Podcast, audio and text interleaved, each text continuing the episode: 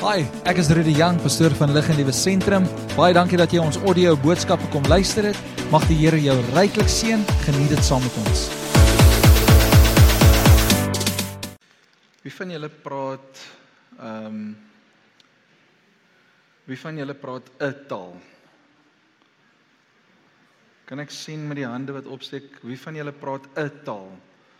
Dit kan enige taal wees. Dit kan Afrikaans wees, dit kan Engels wees. Wie van julle praat 'n taal? Steek gou jou hand op, laat ek kan sien wie almal 'n taal kan. Wie kan twee tale praat? Wie kan drie tale praat? Wie kan vier tale praat? Wie kan vyf tale praat? Iemand wat ses tale kan praat? 7 Wie van julle praat Afrikaans? Ek weet van julle praat Engels. Wie van julle praat geloof?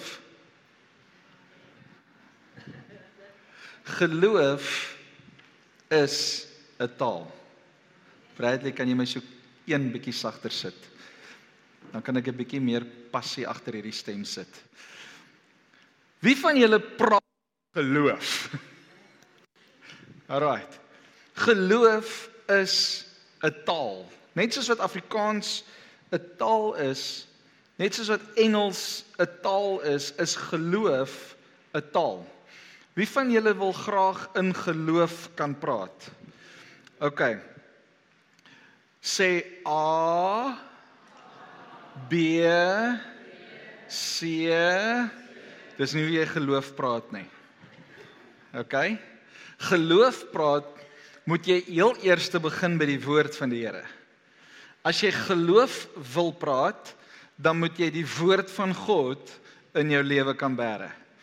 Geloof, Romeine sê vir ons geloof kom vanuit die gehoor en gehoor kom uit die goeie nuus wat ons hoor. Dit die goeie nuus is die woord van die Here. Goeie nuus is die feit dat Jesus Christus leef. So wanneer ek hierdie woord hoor, dan bou dit my geloof en ek kan leef vanuit geloof. Nou die afgelope paar Sondae praat ons oor woorde en hoe woorde, jou woorde, jou lewe kan verander. En ons wil hierdie reeks afsluit met die gedagte dat geloof is 'n taal en dat ek en jy moet woorde van geloof begin spreek. Sê gou vir die persoon langs jou waarheid en leuns verskil. Stem julle saam met my? OK. Geloof en waarheid is dieselfde. Geloof en waarheid is dieselfde. Geloof en leuns is nie dieselfde nie. Geloof kan nie funksioneer vanuit 'n leuen nie. Almal van ons het op een of ander tyd 'n leuen gehoor wat iemand vir jou gesê het, naamlik jy is nie goed genoeg nie. Wie van julle het daai woorde al oor jou lewe gehoor? Jy's nie goed genoeg nie. Sal julle saam met my stem dat dit 'n leuen is? Kan ons dit klassifiseer as 'n leuen vandag dat jy is nie goed genoeg nie? Wie sê dat dit is 'n waarheid? Niemand nie. Wie sê dat as iemand vir jou sê jy's nie goed genoeg nie, is dit 'n leuen? Wie stem saam met my? So geloof wat ek en jy leef, wat ek en jy praat, kan nie fondasie hê, kan nie gefundeer wees binne in die woorde jy is nie goed genoeg nie. Geloof kan nie funksioneer binne in 'n leuen nie. Het julle hom? Geloof kan nie groei van in 'n leuen nie. Ongeloof groei binne in 'n leuen. Daar is te veel kinders van die Here wat wandel en leef binne in ongeloof omdat hulle die leuns wat oor hulle lewe gespreek is glo. Wanneer ek en jy in geloof begin funksioneer, wanneer ons die waarheid van God se woord begin inneem, dan sê die woord van die Here dat ek is tot alles in staat deur wie? Deur Christus wat my liefhet. Deur Jesus se liefde is ek tot alles in staat en omdat ek tot alles in staat is, kan ek geloof hê dat God my gaan help om dit wat hy vir my sê om te doen, dat ek dit sal kan doen. OK. Wie van julle het common sense? OK, common sense is soos wysheid. Né? Nee? Common sense is soos wysheid. Wysheid is om te weet dat tamatie is 'n vrug. Maar jy sit nie 'n tamatie in 'n vrugteslaai nie. Daai's wysheid. Kan ek vir julle 'n stappie verder leer van wysheid rondom tamatie? Moet dit nie eet nie.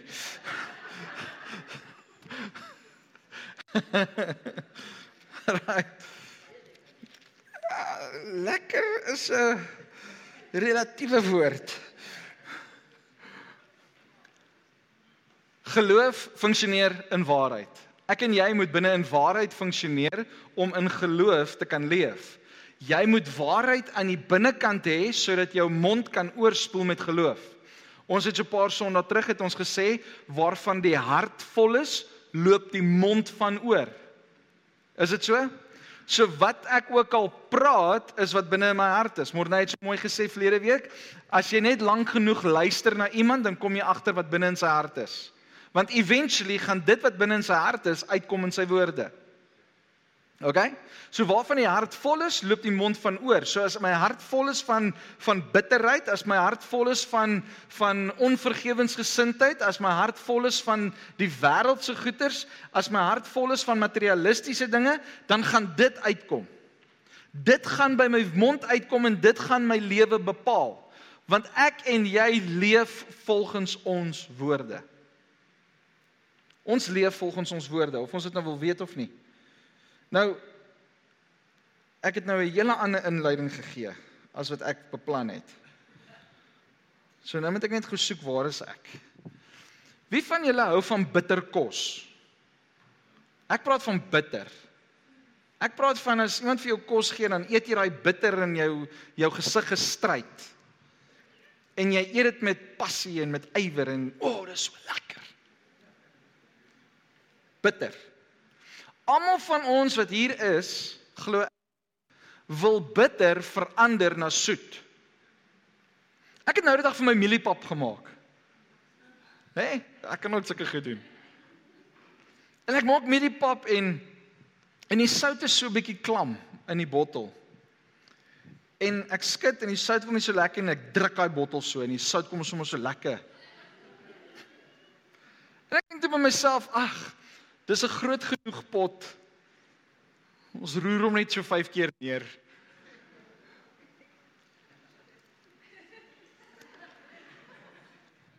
Leanne kyk later vir my sê en sê sê vir my gaan jy pap saam met jou suiker eet? Want jy gooi nou meer suiker oor as enigiets anders. Ek sê ja, ek moet net die balans hierso reg kry. So ek gooi meer suiker oor. So ek weet nie of daai mieliepap so effektief was vir my konstitusie nie. Um ek, ek moet so baie suiker insit net om die sout smaak weg te kry en so moet ons baie keer doen in wanneer dinge bitter is. Ons moet ons moet goeders bygooi om net 'n bietjie soet in die lewe te ervaar. Nou as ek na julle toe kom en ek sê vir julle, wie van julle wil bitter ervaar in die lewe? Dan gaan almal vir my sê nee. Hoekom? Want ons identifiseer bitter as iets wat nie lekker is nie en ons identifiseer iets wat soet is, wat lekker is. My oorspronklike titel vir vandag se preek was bitter sweet words. Maar soos wat ek aangegaan het en soos wat die Here vir my dinge begin wys het, het ek begin verstaan dat die Here wil hê dat ons moet 'n taal van geloof hê. En dis hoekom vir oggend se titel is speaking faith. Speaking English, speaking Afrikaans, net so speaking faith. Ek wil hê met jou Bybel oopmaak in Lukas 1. En ons gaan daar 'n paar verse deurlees. Lukas 1 vers 5 as jy die YouVersion Bible app op jou foon het, as jy welkom om uh, daar ook te volg. Gaan net na events toe en dan um, kan jy daar op events klik en dan soek jy net lig en lewe sentrum. Dan klik jy op hom en dan um, kan jy die preek volg. Dis amper Kersfees. Dis amper Kersfees. En ek wil hierdie storie begin want ek dink hierdie storie moes eers begin voordat ons by Kersfees kon uitkom. Maar ek wil dit dan gebruik as 'n aansluitingspunt tot wat die Here vandag met ons wil wil praat. So kom ons lees Lukas 1 vers 5. When Herod was king of Judea, there was a Jewish priest named Zechariah. He was a member of the priestly order of Abijah. Nee, ons gaan net vinnig oor die name. Ons ons gaan nou nou die name uitsort. Abijah and his wife Elizabeth. Hom kan ons mooi sê. Was also from the priestly line of Aaron. Zechariah and Elizabeth were righteous in God's eyes. Wat was hulle? Hulle was manne en hulle was 'n man en 'n vrou van geregtigheid. Careful to obey all of the Lord's commandments and regulations. They had no children because Elizabeth was unable to conceive and they were both very old. One day Zechariah was serving God in the temple in the temple for his order was on duty that day, that week. As was the custom of the priests, he was chosen by lot, by lot to enter the sanctuary of the Lord and burn incense. While the incense was being burned, a great crowd stood outside praying. While Zechariah was in the sanctuary, an angel of the Lord appeared to him standing to the right of the incense altar. Zechariah was shaken and overwhelmed with fear when he saw him. But the angel said, Don't be afraid, Zechariah. God has heard your prayer. Your wife Elizabeth will give you a son, and you are to name him John. You will have great joy and gladness, and many will rejoice at his birth. For he will be great in the eyes of the Lord. He must never touch wine or other alcoholic drinks. He will be filled with the Holy Spirit even before his birth, and he will turn many Israelites to the Lord their God. He will be a man with the spirit and power of Elijah. He will prepare the people of the coming of the Lord. He will turn the hearts of the father to the children, and, the, and he will cause those who are rebellious to accept the wisdom of the godly. Verse 18. Zechariah said to the angel, How can I be sure this will happen? I'm an old man now, and my wife is also well along in years. Ou het respek vir sy vrou. Deur te sê my vrou's nie oud nie. My vrou is wel in haar jare. Hy het gesê ek is oud, maar my vrou is wel in haar jare. Manne leer by Zakaria. Sagaria, né? Wysheid, daai's wysheid, daai's wysheid. Vers 19.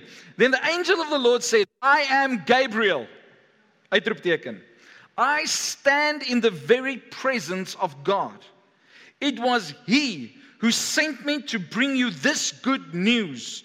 But now, since you didn't believe what I said, you will be silent and unable to speak until the child is born.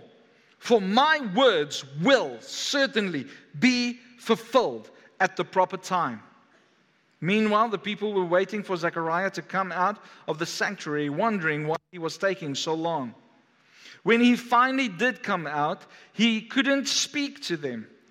Then they realized from his gestures and his silence that he must have seen a vision in the sanctuary. When Zechariah's week of service in the temple was over, he returned home. Soon afterward, his wife Elizabeth became pregnant and went into seclusion for five months. How kind the Lord is, she exclaimed. He has taken away my disgrace of having no children. Hierdie mic gee nou so 'n bietjie probleme. Ehm um, Brady, ek gaan sommer hierdie ouetjie vat.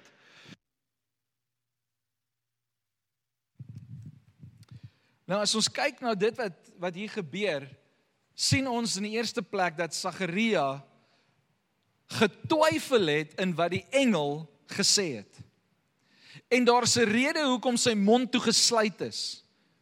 Want hy het gepraat in ongeloof. Dit is my baie interessant dat die engel vir hom sê, "Because you did not believe what I said, you will you won't be able to speak. Because you didn't believe." Ek wil vandag 'n uh, 'n klip in die bos gooi. En ek wil sê, en ek wil 'n stelling maak. As ek en jy nie in geloof gaan begin praat nie, gaan ons monde begin toegesluit word, want jou woorde kan in die pad staan van dit wat God beloof het. Jou woorde keer dat God se belofte of God se plan tot vervulling kan kom.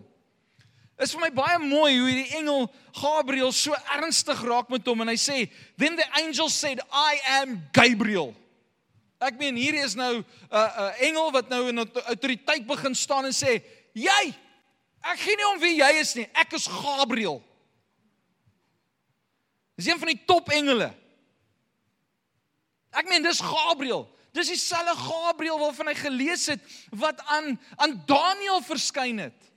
So hy sê vir Sagaria: "Hey, ek is nie sommer hier jy engel nie. Ek is Gabriël."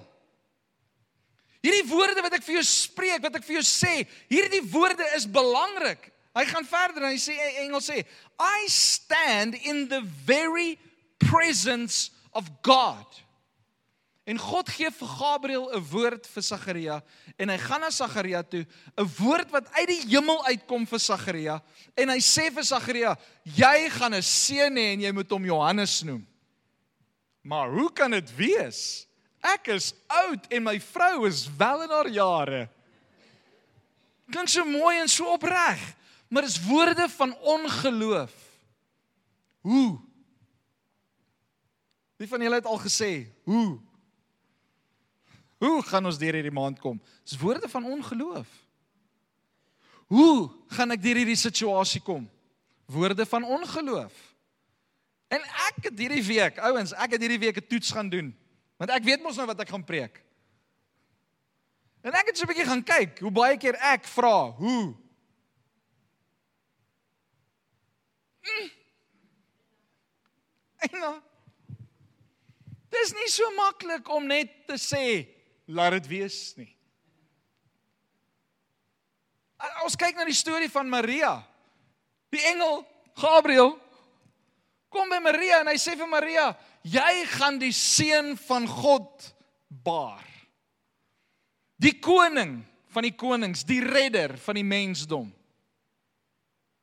En sy sê: "Laat dit so wees." Laat dit so wees. My vraag aan ons elkeen is: is ons bereid om in geloof te praat al lyk ons omstandighede nie soos wat dit moet wees nie? Waarop is ek en jy gefokus wanneer ons praat? Is jy gefokus op jou omstandighede of is jy gefokus op dit wat die Here vir jou wel instoor het en wat die Here wel kan doen? Wie van julle glo dat by God is alles moontlik? Ek weet nie of ons dit werklik glo nie. Ons maklik om ons hande op te steek. Ja, ek glo dit. Totdat totdat Die popo, die fan strike en die fan is aan. Dan kan jy op een van twee maniere kyk na daai gemors. Of jy kan sê dis 'n gemors kry die mop. En kwaad raak. Of jy kan sien, hey, dis 'n possibility vir 'n slaai. Los net die tamatie. bring bring die res. Hoe ons kyk na ons omstandighede bepaal hoe ons gaan praat. En ons woorde kan kan beïnvloed kan kan God se plan in jou lewe beïnvloed. Ek weet nie van julle nie, maar ek wil hê dat God se plan vir my lewe moet 'n realiteit word. Ek bid en ek bid en ek bid dat die Here se plan in my lewe tot vervulling kom.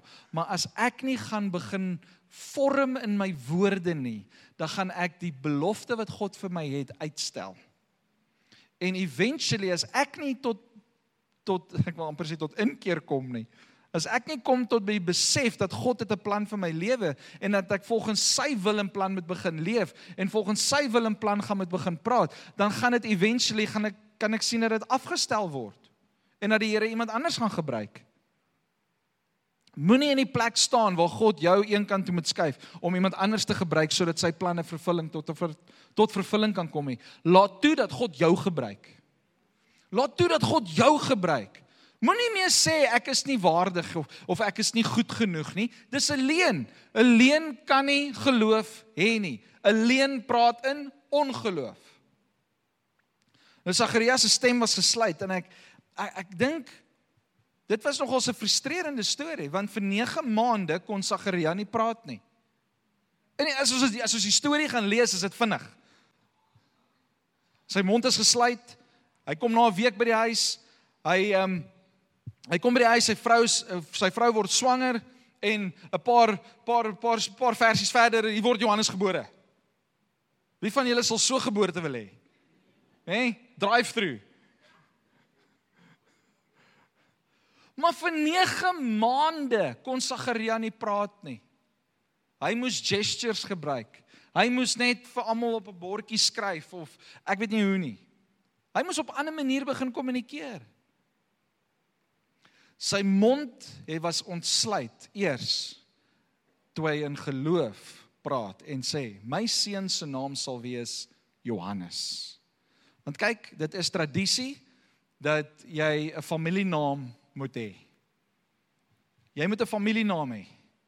En ek dink nie Johannes was so seer 'n familienaam van Sagaria en Elisabeth nie.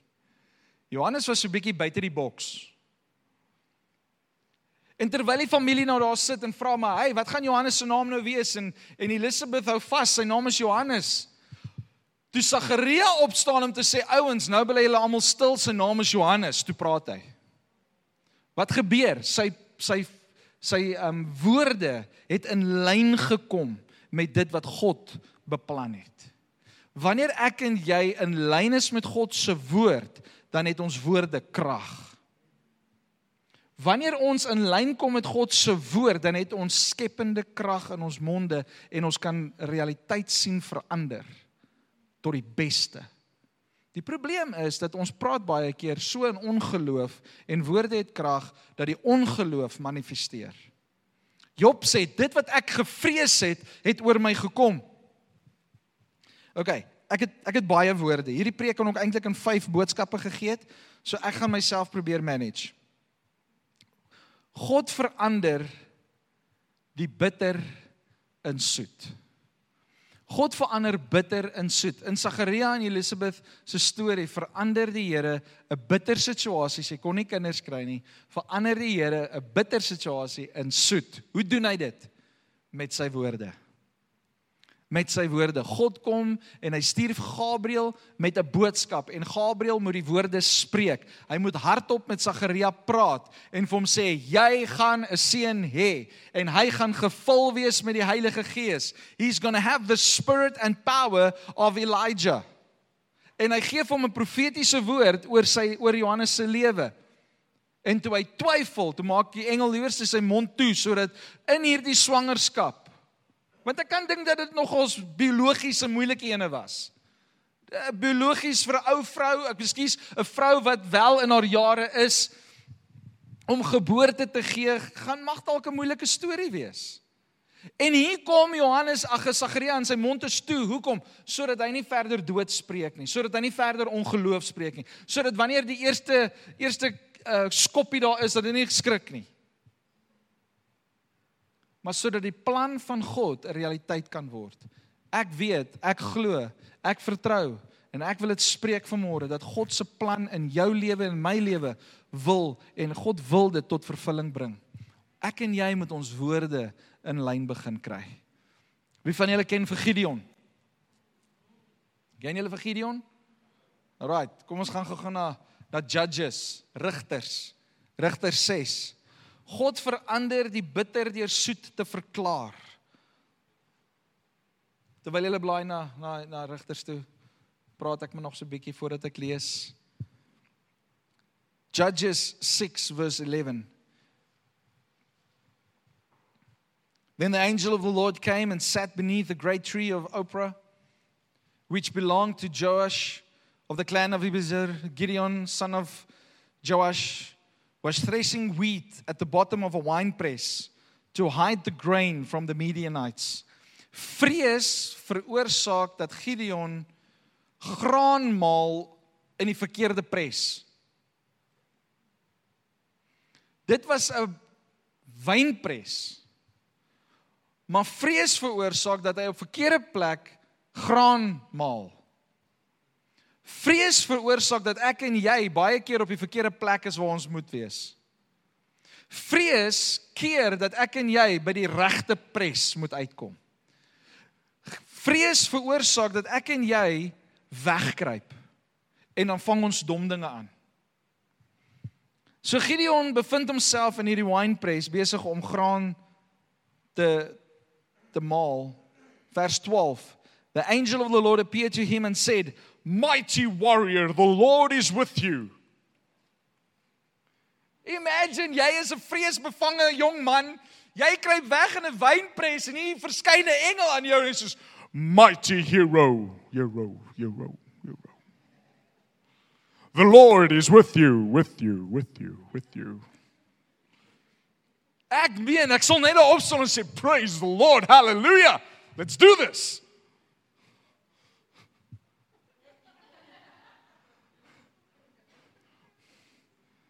Hy moes opgespring het gesê with this message I will be a superhero. Nee? Die Here sê vir hom you're a mighty hero. Dapper held. Kom ons kyk wat antwoord hy. Sir. Hy het nog sy respek ook vir die engel. Sê Sir, Gideon replied, If the Lord is with us, why has all this happened to us? And where are all the miracles our ancestors told us about? Didn't they say the Lord brought us up out of Egypt? But now the Lord has abandoned us and handed us over to the Midianites. Then the Lord turned to him and said, Go with strength you have and rescue Israel from the Midianites. I am sending you. But Lord, Gideon replied, How can I rescue? How can I rescue Israel? My clan is the weakest in the whole tribe of Manasseh, and I am the least in my entire family. The Lord said to him, I will be with you, and you will destroy the Midianites as if you were fighting against one man. Gideon replied, If you are truly going to help me, show me a sign to prove that it is really um, the Lord speaking to me. Don't go away until I come back and bring my offering to you. He answered, I will stay here until you return. In die eerste storie sien ons dat die engel Sagarius se mond toemaak dat hy nie kan in ongeloof praat nie. Die eerste storie was 'n dringende geboorte. Johannes moes eers gebore word voordat Jesus gebore kon word. Want Johannes moes die weg oopmaak vir Jesus. So daar was it was time sensitive. As ek dit nou so kan stel. Johannes se geboorte was time sensitive. So daar was geen spasie, absoluut geen spasie vir ongeloof nie. Nou kom ons in hierdie storie in in Gideon en nou voel dit half 'n bietjie teenstrydig en dan voel ons Here maar maar hier kom Gideon en hy antwoord heeltyd in ongeloof maar u u hou net by die waarheid. Soms moet die Here eers jou identiteit 'n bietjie aanspreek voordat jy werklik in daai posisie kan funksioneer. Gideon moes weet wie hy is sodat hy die volk kon lei in oorlog. Sodat hy die die manskappe bymekaar kon kry. Die 20, 25000 mense wat daar was, moes hy later verdun na net 300 ouens toe.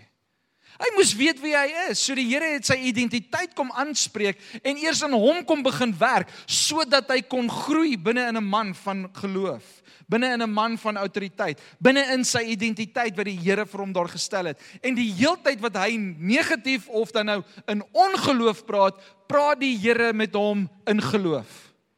Praat met hom met wie hy is. En ek dink dis die probleem wat ons baie keer in die lewe ervaar. God sê vir ons wie ons is en dan hou ons aan met die leuen. Ons hou aan met die ongeloof. Ek wil hê dat ons vandag 'n transformasie moet plaasvind in ons lewens waar ons kan sê ek glo God se woord oor my lewe. En die eerste ding wat ek en jy vandag wel kan sê met waarheid en met sekerheid is God is lief vir ons. Amen.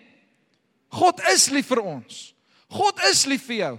Ag julle kyk vir my anders of julle my nie glo nie. Draai net na die ou langs jou dat hy jou jou pearly whites kan sien. Dat hy dat jy vir hom kan smaal. Dan sê net vir die ou langs jou, "Hey, Jesus het jou lief. Ag jy moenie net sê Jesus het jou lief, jy moet sê hey. Jy. Jesus het jou lief. Want jy sien baie keer dan sê ons dit vir mense langs ons, hey Jesus of Jesus het jou lief. Maar die ou luister nie regtig nie. Maar as jy vir hom sê hey, huh? dan kry jy se aandag. Ek dink Jesus moet baie keer by ons kom staan en vir ons 'n engel stuur en net vir ons sê hey. Skrik wakker. Jy is nie wie die wêreld sê jy is nie. Jy is wie God sê jy is. God het jou gevorm met 'n karakter en 'n identiteit. Moenie laat die vyand jou identiteit steel nie. En Gideon is in 'n posisie waar sy identiteit so klein is. Hy's die minste. Hy sê my clan, nê? Nee? My my my gesin is die kleinste in ons in ons volk. En ek is die kleinste van my kleinste volk. So ek is kleiner as klein. So Here, as dit regtig U is. Wat vir my so mooi is van Gideon is, hy hardloop en hy sê, "Wow, as dit die Here is wat met my praat, bly net hierso onder hierdie boom. Ek kom nou terug." Ek kom nou terug. As jy die storie verder gaan lees, Gideon het 'n 'n goat gaan kook. Dis is om vir iemand te sê ek is so 5 minute terug en kom eers oor 'n uur daaraan. Wat ek sien in hierdie storie van Gideon is, die Here is geduldig met ons. Wanneer hy werk in ons identiteit. Wanneer hy werk in ons karakter, is hy geduldig met ons. Maar ek wil hierdie woorde van waarskuwing wel lig en sê, daar gaan 'n tyd kom waar die Here nie meer tyd het vir geduldig wees met jou nie, met my nie. Daar gaan 'n tyd kom waar die Here gaan sê, "No. This time sensitive. Now you need to move." So wat ek in my gees ervaar het hierdie week is dat ons as lig en lewe as kind van die Here gaan ons moet begin funksioneer in 'n nuwe taal. Want wanneer ek en jy in 'n nuwe taal begin funksioneer, 'n taal van geloof, dan gaan dit ons identiteit begin aanraak. Dit gaan ons persoonlikheid begin aanraak. Dit gaan ons karakter begin aanraak. Hoekom? Want ek wandel nie meer as 'n Gideon in 'n wynpars pars nie, maar ek begin wandel as 'n Gideon, die mighty hero. Besef jy dat jy 'n hero is vir die volgende ou? Nee, ons moet nou nie groot kop kry nie, pastoor. Niks met groot kop en hoogmoed te wees nie. Jy is gered sodat jy iemand anders aan Jesus kan voorstel. En dit in my oë is 'n hero. Dit in my oë maak jou 'n hero, maak jou 'n mighty hero as jy iemand aan Jesus kan voorstel. God always speaks about the sweet inside the bitter. Gideon sit binne in 'n bitter situasie. Maar God praat met soet woorde binne in daai bitter situasie. Hy praat met woorde van geloof, woorde van 'n uh, um uh, identiteit. God se waarheid oor my en jou lewe. Ja, daar's daar's daar's sekere feite wat ons kan uitlig. Ek is nie lank genoeg nie, ek is nie kort genoeg nie, ek is nie maar genoeg nie, ek is nie groot genoeg nie, hoe jy dit ook al wil sien. Daar's sekere feite wat wat in ons lewens is maar dit bepaal nie die waarheid nie. Dis 'n feit, ons leef in 'n sondige wêreld. Maar die waarheid is ek hoef nie te sondig nie. Ek kan in geregtigheid leef. Ek kan in oorwinning leef. Ek hoef nie te leef soos wat die wêreld leef nie. Ek kan leef soos wat die Here wil hê ek moet leef. Gideon het nie gevoel soos 'n hero nie. Inteendeel, hy het gedink hy's die kleinste en onwaardig. Hy sien net die bitter raak, maar God sien die soet en praat die soet ten spyte van die bitter in sy lewe. God praat oor die oplossing en meeste mense praat oor die probleem. Ons het so 'n paar jaar terug was ons onderwerp vir die jaar with every problem there is a solution and an opportunity. Vir elke probleem in die lewe is daar 'n 'n oplossing en 'n en 'n 'n geleentheid. En ons moet dit begin raak sien. Hou op vaskyk in die probleme. Kyk vas in die oorwinning. sien wat God sien. En hoe gaan ons dit sien?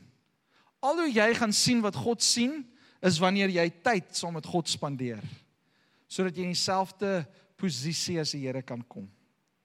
Die Here kyk anders te oor jou situasie as wat jy kyk. Jy sien die nederlaag raak. God sien die oorwinning raak. Jy sien die tekort raak. God sien die oorvloed raak. Jy sien die minderwaardigheid raak. God sien dat die waarde daar is waardigheid. Jy sien die ongeregtigheid raak. God sien die geregtigheid raak. Dit waarop jy fokus, gaan jy die meeste raak sien. Wie van julle het rooi karre gesien toe julle hiernatoe gery het vandag? OK. Hoeveel rooi? Wie van julle het een rooi kar gesien toe julle hiernatoe gery het? Wie van julle het twee rooi karre gesien? Wie van julle het drie rooi karre gesien? Wie van julle het vier rooi karre gesien? Wie van julle het vyf rooi karre gesien? Wie van julle het ses rooi karre gesien? Ek beloof vir julle, as ek vir julle 'n WhatsApp gestuur het voor kerk vandag en vir jou gesê het, hoorie, so tel al die wit karre, ek gaan vir jou vra of jy dit gesien het. Tel vir my al die wit karre of die rooi karre voordat jy kerk toe kom. Dan as ek vir jou gevra het wie van julle het 'n rooi kar gesien, gaan baie meer van julle julle hande opsteek. Hoekom? Want jy gaan soek vir daai rooi kar. Jy gaan soek vir daai probleem. En dis die probleem wat ons het. Ons kyk na die probleme, ons is so gefokus op die rooi karre in plaas daarvan dat ons die wit karre raak sien. Gebruik dit nou maar net as 'n voorbeeld.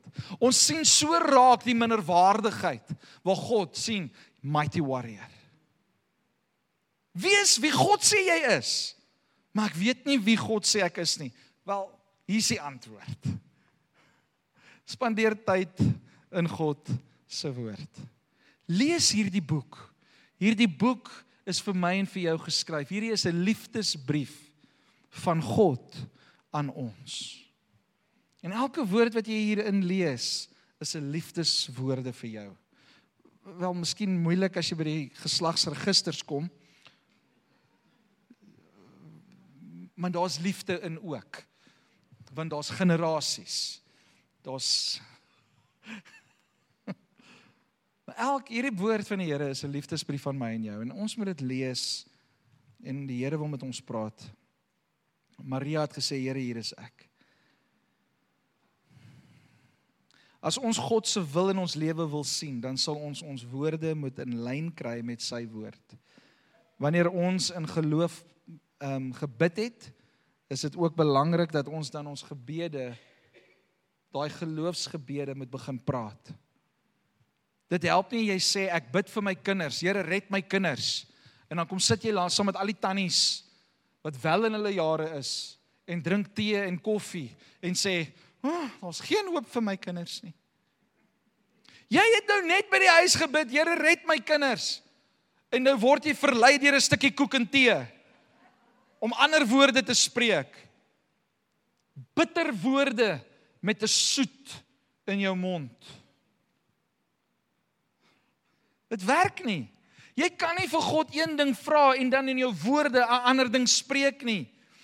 Jy moet antwoord en sê, weet jy dit lyk dalk nie nou of my kinders die Here dien nie, maar prys die Here, hulle gaan tot inkeer kom. Dit lyk dalk nie asof my finansiële situasie vandag in orde is nie. Dit lyk dalk of my kontant vloei 'n bietjie stadig is, maar prys die Here, daar is altyd genoeg. Here help ons. Stuur vir ons net geld, Here. Stuur vir ons net 'n deurbraak in ons finansies. Oh, ek kan ook niks doen nie. Ek het niks geld nie. Ek so arm soos 'n posduif. Ek weet nie is dit iets.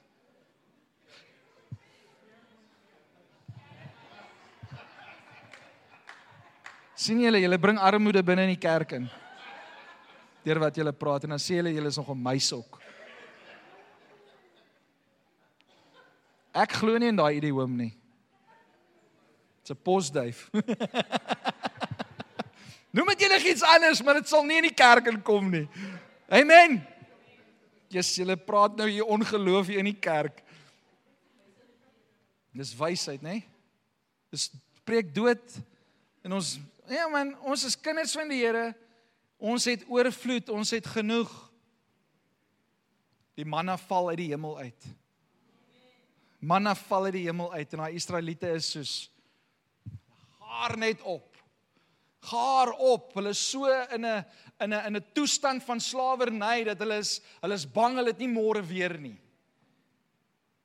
En hulle gaar alles op en hulle sê, "Jesus, nou het ons genoeg, ons hele week eet." Môre is daai fluffy goed vol wurms. En dit stink. Net op Saterdag moes hulle dubbel opgaar want môre is daar nie manna nie. Hulle moes net doen wat die Here sê want daar was altyd genoeg. En wat vir my so amazing is, die manna wat hulle opgegaar het. Die ouens wat baie opgegaar het, het gesê jy ons gaan vandag twee porsies eet, baie opgegaar het. Toe hulle klaar gekook het, was dit net genoeg vir almal. En die ouens wat te min opgegaar het, toe hulle klaar gekook het, was dit genoeg vir almal. God het die potte beheer. En dan dink ek en jy ons moet ons beursies beheer. Ja, ons moet rentmeesters wees. Maar ek het begin in hierdie week begin praat en begin leef met die gedagte my God sal voorsien. So ek het genoeg. Here, dankie vir my deurbraak. Ek het genoeg. Ek kon vandag vir my 'n Coke koop, is deurbraak. Kom vandag vir my steak koop, is deurbraak. Kom vandag vir my brood koop, deurbraak. Maar ons sien die die minderwaardigheid in die hele storie. Hoekom? Want ons oë is gefokus op ander mense. God is besig om jou identiteit en jou karakter te vorm. Laat toe dat die Here dit vir jou doen. Moenie kyk na Pietie, Kosie, Sunny en die ander ouens nie. Die Here is besig met hulle. Dis soos daai een ou wat wens, uh die ou wat fietsry wens uit 'n kar. En die ou wat kar het wens uit 'n 'n boot. En die ou wat 'n boot het wens uit 'n vliegtyg. En die ou wat 'n vliegtyg het wens hy kan net by die huis wees.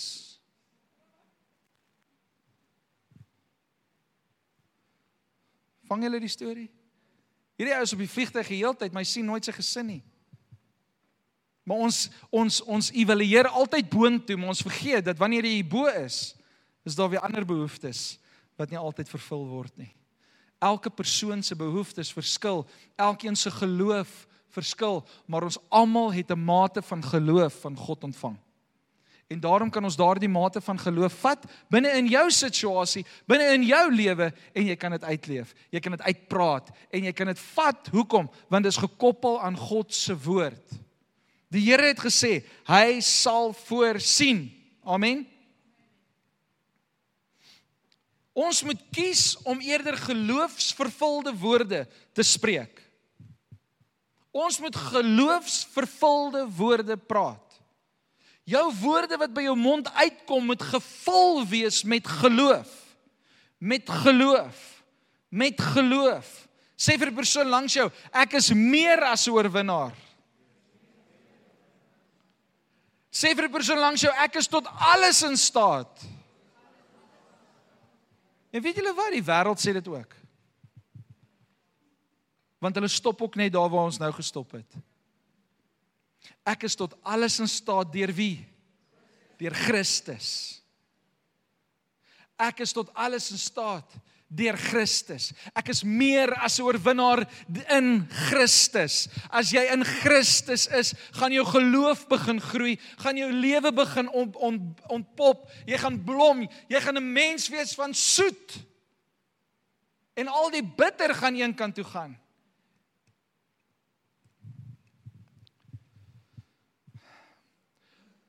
Waar hang bye uit? Tussen die soet. Waar hang vlee uit?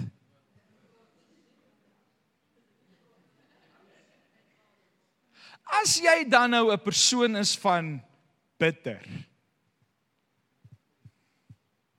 Mense wil nie by bitter wees nie. Daar's ander dinge wat attraction kry by bitter. En ek weet nie van julle nie, maar as ek 'n vlieg in my huis kry, dan's doom in my hand. Ek meen ons dra dit al amper in ons sakke. So,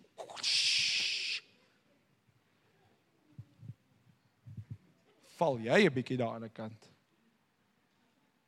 Maar wanneer 'n bye in die huis in vlieg,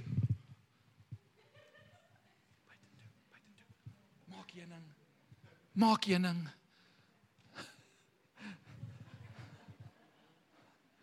Ons beskerm die bye. Maar vlee. Dis 'n ander gogga daai.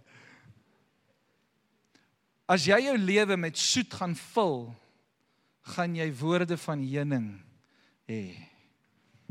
Maar as jy jou lewe met bitter gaan vul, gaan jy woorde van bitter hê. Believe it, speak it. Believe it, speak it. Ek is nie nou in daai teologie van um believe it, speak it, take it nie. Ek is nou net eers by die glo dit begin en dan net praat. Begin dit praat. Begin laat die woorde oor jou mond vloei. Hoekom? Want geloof en jou woorde bring manifestasie. En ek weet nie van jou nie, maar ek soek God se manifestasie. Ek soek sy krag, ek soek sy voorsiening, ek soek sy heerlikheid, so ek gaan my woorde vorm volgens sy woord. Of gaan ek praat soos die wêreld? Nee, ek gaan praat soos my Vader. Ons gaan praat soos ons Vader. Reg deur die Bybel is daar koneksie tussen geloof en om dit te praat. Geloof moet gepraat word. It must be spoken. Romeine 10 vers vers 9 in die English Standard Version sê, if you confess with your mouth that Jesus is Lord and believe in your heart that God raised him from the dead, you will be saved. Hier is 'n geloof wat in die hart is, wat deur die mond kom en die resultaat is redding. Daar's 'n manifestasie van woorde wat ons in geloof begin spreek. Hier ek dink hierdie een is die belangrikste een van geloof. Is dat ons moet glo dat Jesus leef. Ons moet glo dat hy opgestaan het. Ons moet glo dat hy die Here en Meester is en wanneer ons dit dan praat, sê die Bybel, you will be saved. Dit help nie net die geloof bly in jou hart nie. Die geloof moet oor jou oor jou lippe kom.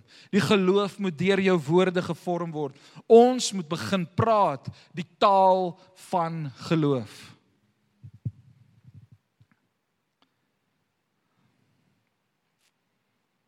Ek dink byvoorbeeld aan die vrou wat wat gelei het aan bloedvloeiing.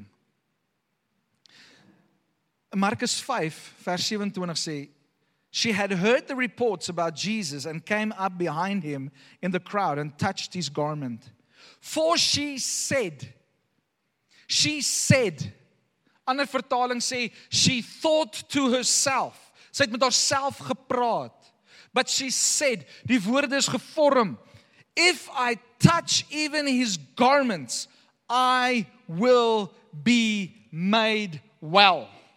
Haar geloof het oorgekom in woorde en toe sy by Jesus kom en aan hom vat. Toe staan dadelik genesing na 12 jaar. Daar was heeltyd mense wat aan Jesus gestamp het, heeltyd mense wat aan Jesus gevat het, maar geloof trek die krag van God af. En daar is resultate. Wanneer ek en jy ons woorde begin vorm deur ons geloof, dan gaan God ons begin meer seën. Hoekom? Want ons praat uit sy hart uit. Ons praat uit sy woord uit. Ons praat nie net begeerte nie. Ek praat nie van greedy nie.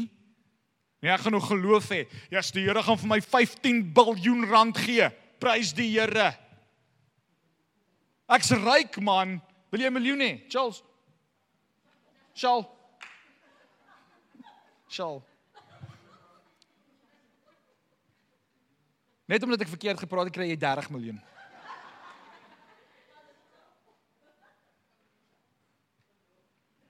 En nou begin ons rond beweeg want ek het mos nou gebid, nou begin ek praat oor die 15 miljard. Hoekom? Ons moet begin fokus op wat God se woord sê en wanneer ons God se woord sê, dan gaan hy vir jou openbaar wat hy vir jou wil hê. En hy gaan vir jou oopmaak dit wat jy nodig het. Ek dink nie God het ons geroep om rond te beweeg en so materialisties te wees in wat ons begeertes is dat mense na ons kyk nie. Maar dat ons so sal leef geesvervuld dat mense na God sal kyk. Ek dink dit moet ons fokuspunt wees. En as die Here jou seën met die 15 miljard rand prys die Here. Gebruik dit tot eer en verheerliking van sy naam as die Here jou vir, um, vir jou gebless het met die 15 rand dan gebruik dit tot eer en verheerliking van sy naam waarmee die Here jou ook al seën, gebruik dit tot eer en verheerliking van sy naam. As die Here jou geseën het met gesondheid, gebruik dit tot eer en verheerliking van sy naam. Maar hierdie vrou praat haar geloof en Jesus kom aan die einde en hy sê daughter your faith has made you well. Ons moet die taal van geloof begin praat. Release your faith with the words you speak. Vind uit wat God se woord oor jou sê en praat dit dan so gereeld as wat jy kan. Bely gereeld dinge soos I can do all things through Christ who strengthens me. God loves me and he will never leave me or forsake me. The Lord has a good plan for my future. Daar is soveel skrifte in die Bybel wat ek en jy elke oggend oor ons lewe in geloof kan spreek. Ek noem dit sommer declarations om declarations te maak in geloof oor ons lewe. Ons het geloof. Elkeen wat hier so sit, het geloof. Staan gou-gou daar waar jy is. Julle weet ons doen baie oefeninge in hierdie kerk. Staan gou-gou daar waar jy is. Sit.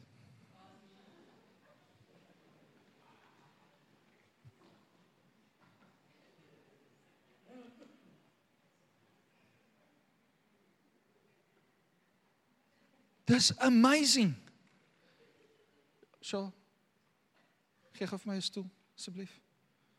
Sommige enige stoel. Baie baie dankie. Nie een van julle wat hier is.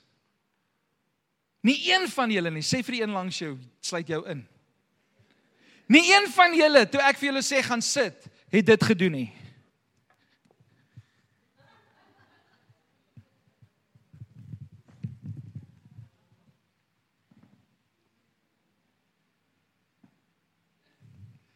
Elkeen van julle sit.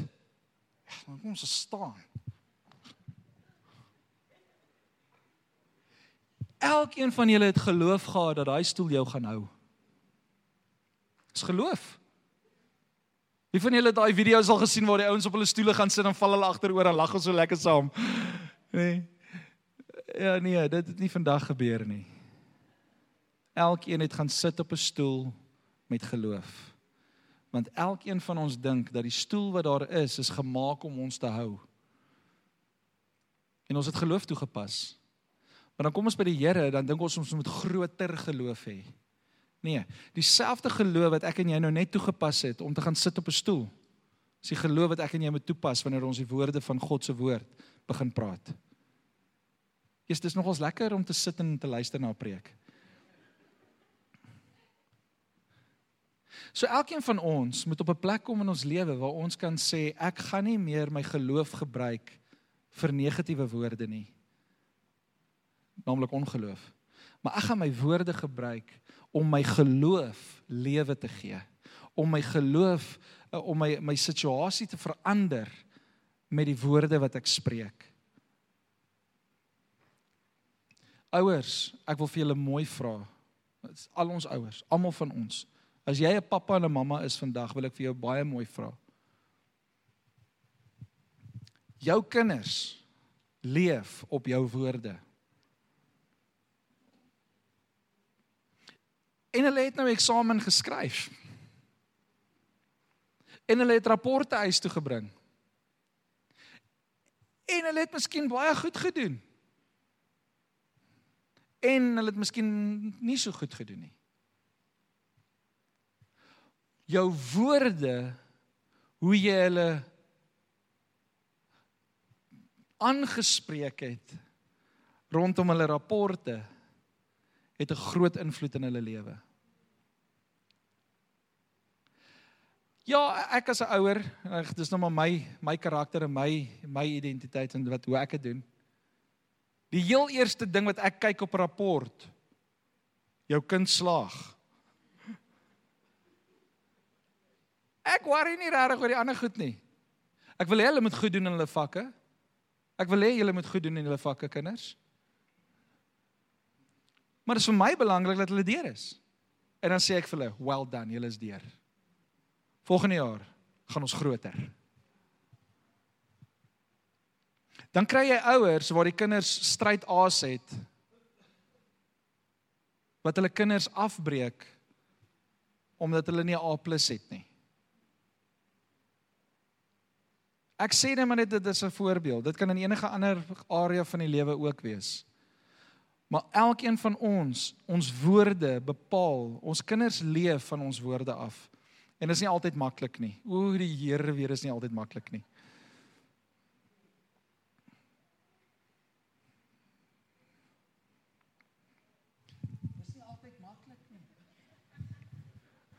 Ons bly lief vir ons kinders. Partykeer wil ons net sê hoe ons voel. En dis waar ons 'n wag voor ons mond moet sit.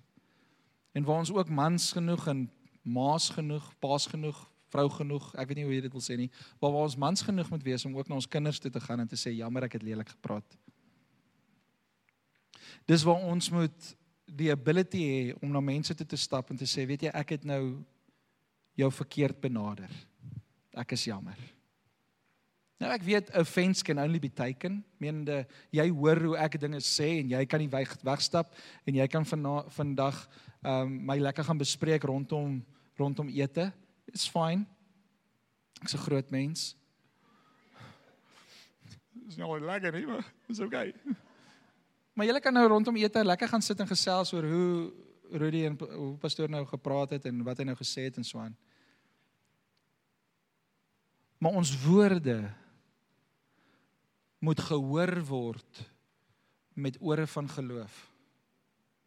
Want as dit uit 'n hart van geloof uitkom, dan behoort dit mense te seën. Dan behoort mense voor jou nie eers daar te staan en 'n venster te vat nie. En ek wil hê dat ons as lig en lewe moet op 'n plek kom in ons lewens, elke individu waar ons ons woorde gebruik om mense op te bou, mense te seën, mense aan te moedig En hoe doen ons dit? Ons doen dit met 'n hart van geloof. Want waarvan die hart vol is, loop die mond van hoor. Hebreërs 4 vers 14 in die New Living Translation sê hy let us hold firmly to what we believe. Let us hold firmly to what we believe. In die English Standard Version en ander vertaling sê hy let us hold fast to our confession. Belief and confession loop baie keer hand aan hand. Ons geloof en ons woorde loop hand aan hand. Ek gaan skiep Numeri 13 vers 27 sê this is this was their report to Moses. We entered the land who you sent us to explore and it is indeed a bountiful country a land flowing with milk and honey. Here is the kind of fruit it produces. But the people living there are powerful and their towns are large and fortified. We even saw giants there, the descendants of Anak. Hulle sien die belofte, hulle sien die oorvloed, hulle sien dit wat God gesê het hy vir hulle wil gee.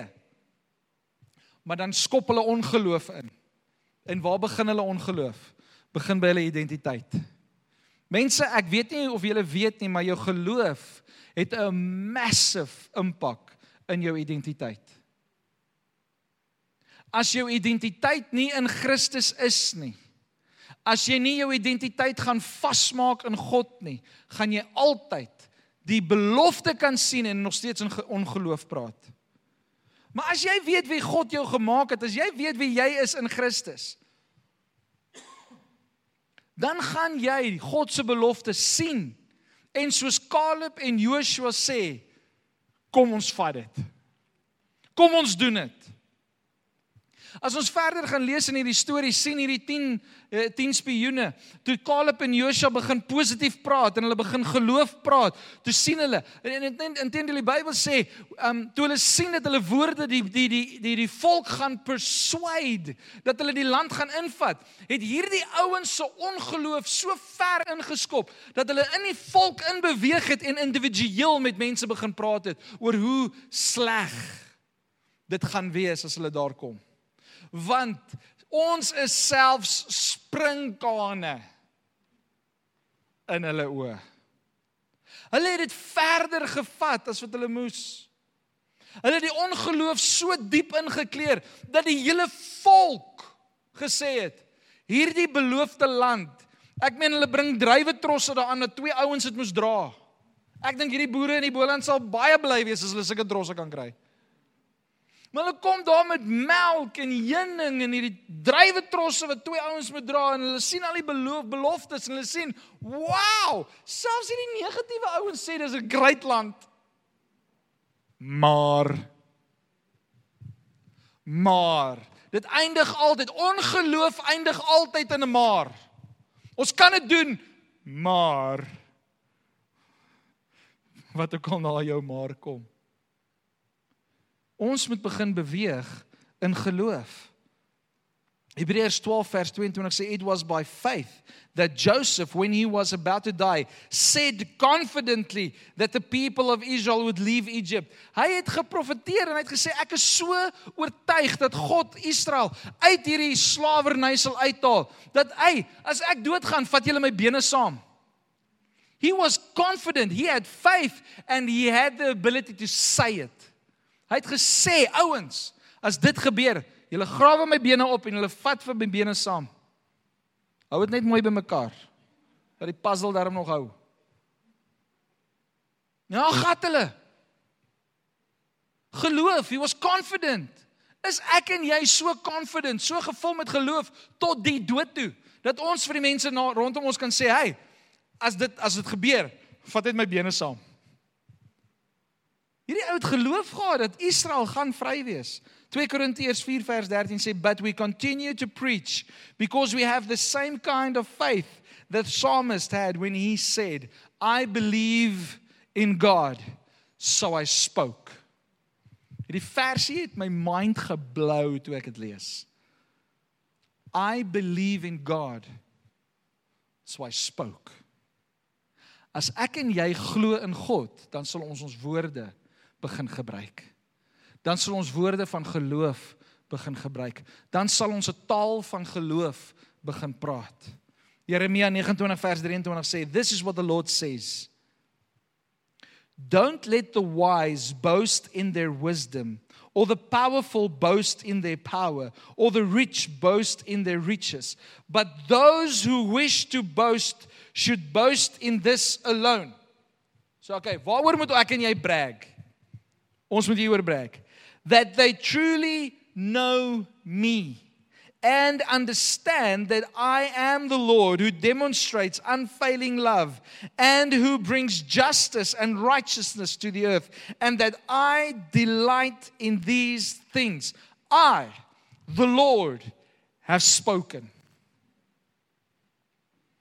God hou van praat. Maar God praat altyd as ek dit nou so ook mag stel met geloof. Ek dink nie God het geloof nodig nie. Hy sê net dit is en dan is dit. Ek en jy het geloof daarin want dit is so miraculous wat God doen dat dit is baie keer ongelooflik. Dat ek en jy het geloof nodig om te sê I believe in God. Therefore I spoke. Ek glo in God. Daarom kan ek sê dat hierdie gemeente is 'n geseënde gemeente. Ek glo in God. Daarom kan ek sê my kinders is geseëndes van die Here. Ek glo in God, daarom kan ek sê die Here voorsien in al my behoeftes. Ek glo in God, daarom kan ek sê ek is genees in die naam van Jesus. Ek glo in God, daarom kan ek spreek dat my werk sal 'n sukses wees. Ek glo in God, daarom sal ek daarom kan ek spreek dat my baas die Here sal begin dien. Ek glo in God. Ek glo in God. Therefore I spoke. Die probleem is ons glo in God, maar ons bly stil. Die duiwel kan nie jou gedagtes lees nie. Dankie tog, maar ook jammer. Hy moet hoor dat jy glo in God. Hy moet hoor dat jy staan op God se woord. Hy moet hoor dat jy kom in agreement met God. Want waar twee saamstem oor 'n saak, so sal dit wees. Jou geloof bring jou in agreement met God. Ongeloof bring jou in 'n agreement met die vyand. Kies vandag wie jy wil dien. Kies vandag wie jy wil dien. Ek sê, I believe in God, therefore me and my house we will serve the Lord. I believe in God, therefore I spoke. God het gepraat. Gaan jy luister? Gaan jy na God luister of gaan jy luister na vrees en die ongeloof wat die duiwel wil saai deur die omstandighede wat rondom jou is? Moenie kyk na jou jou omstandighede moenie jou lewe bepaal nie. Jou geloof in God bepaal jou lewe. Let us come into agreement with God's word. Woorde het krag. Woorde het lewe. Praat dit in geloof. Amen. Band kom vorentoe.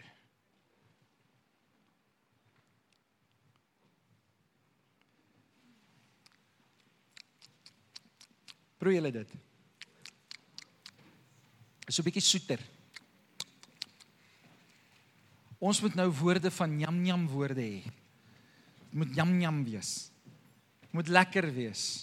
Dit moet woorde wees wat ek en jy kan vat en kan sê ek gaan God dien met alles wat binne my is. Ek gaan God glo.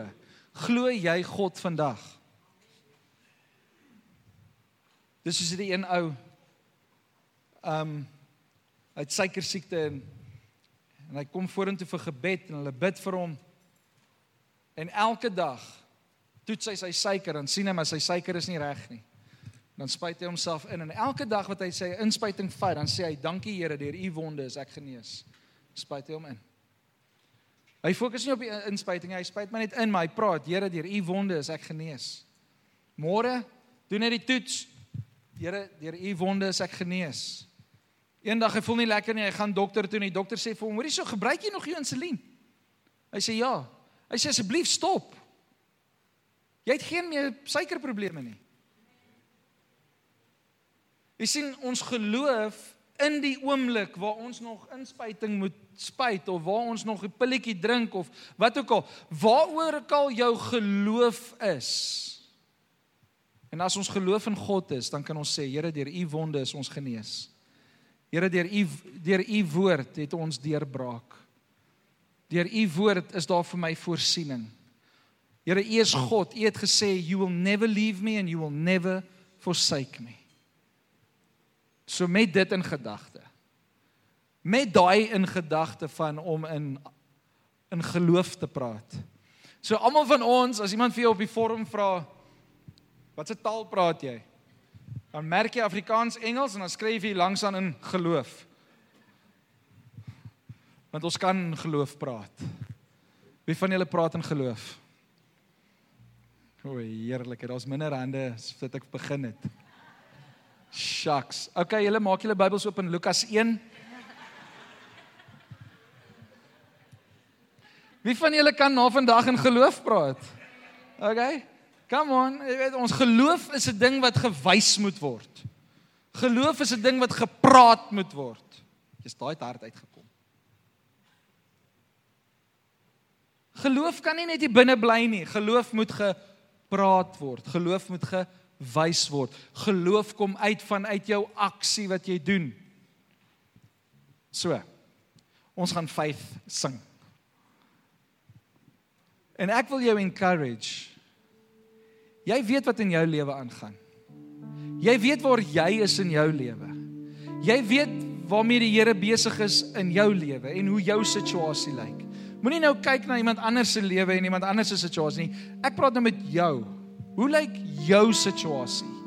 En ek wil hê dat jy hierdie liedjie nou moet sing en hierdie woorde moet sing en uiter met woorde en begin jou taal van geloof begin dit aktiveer. Begin dit leef. Begin dit uitspreek. Because I believe in God, therefore I spoke. So kom ons sing hierdie liedjie met ywer. Amen.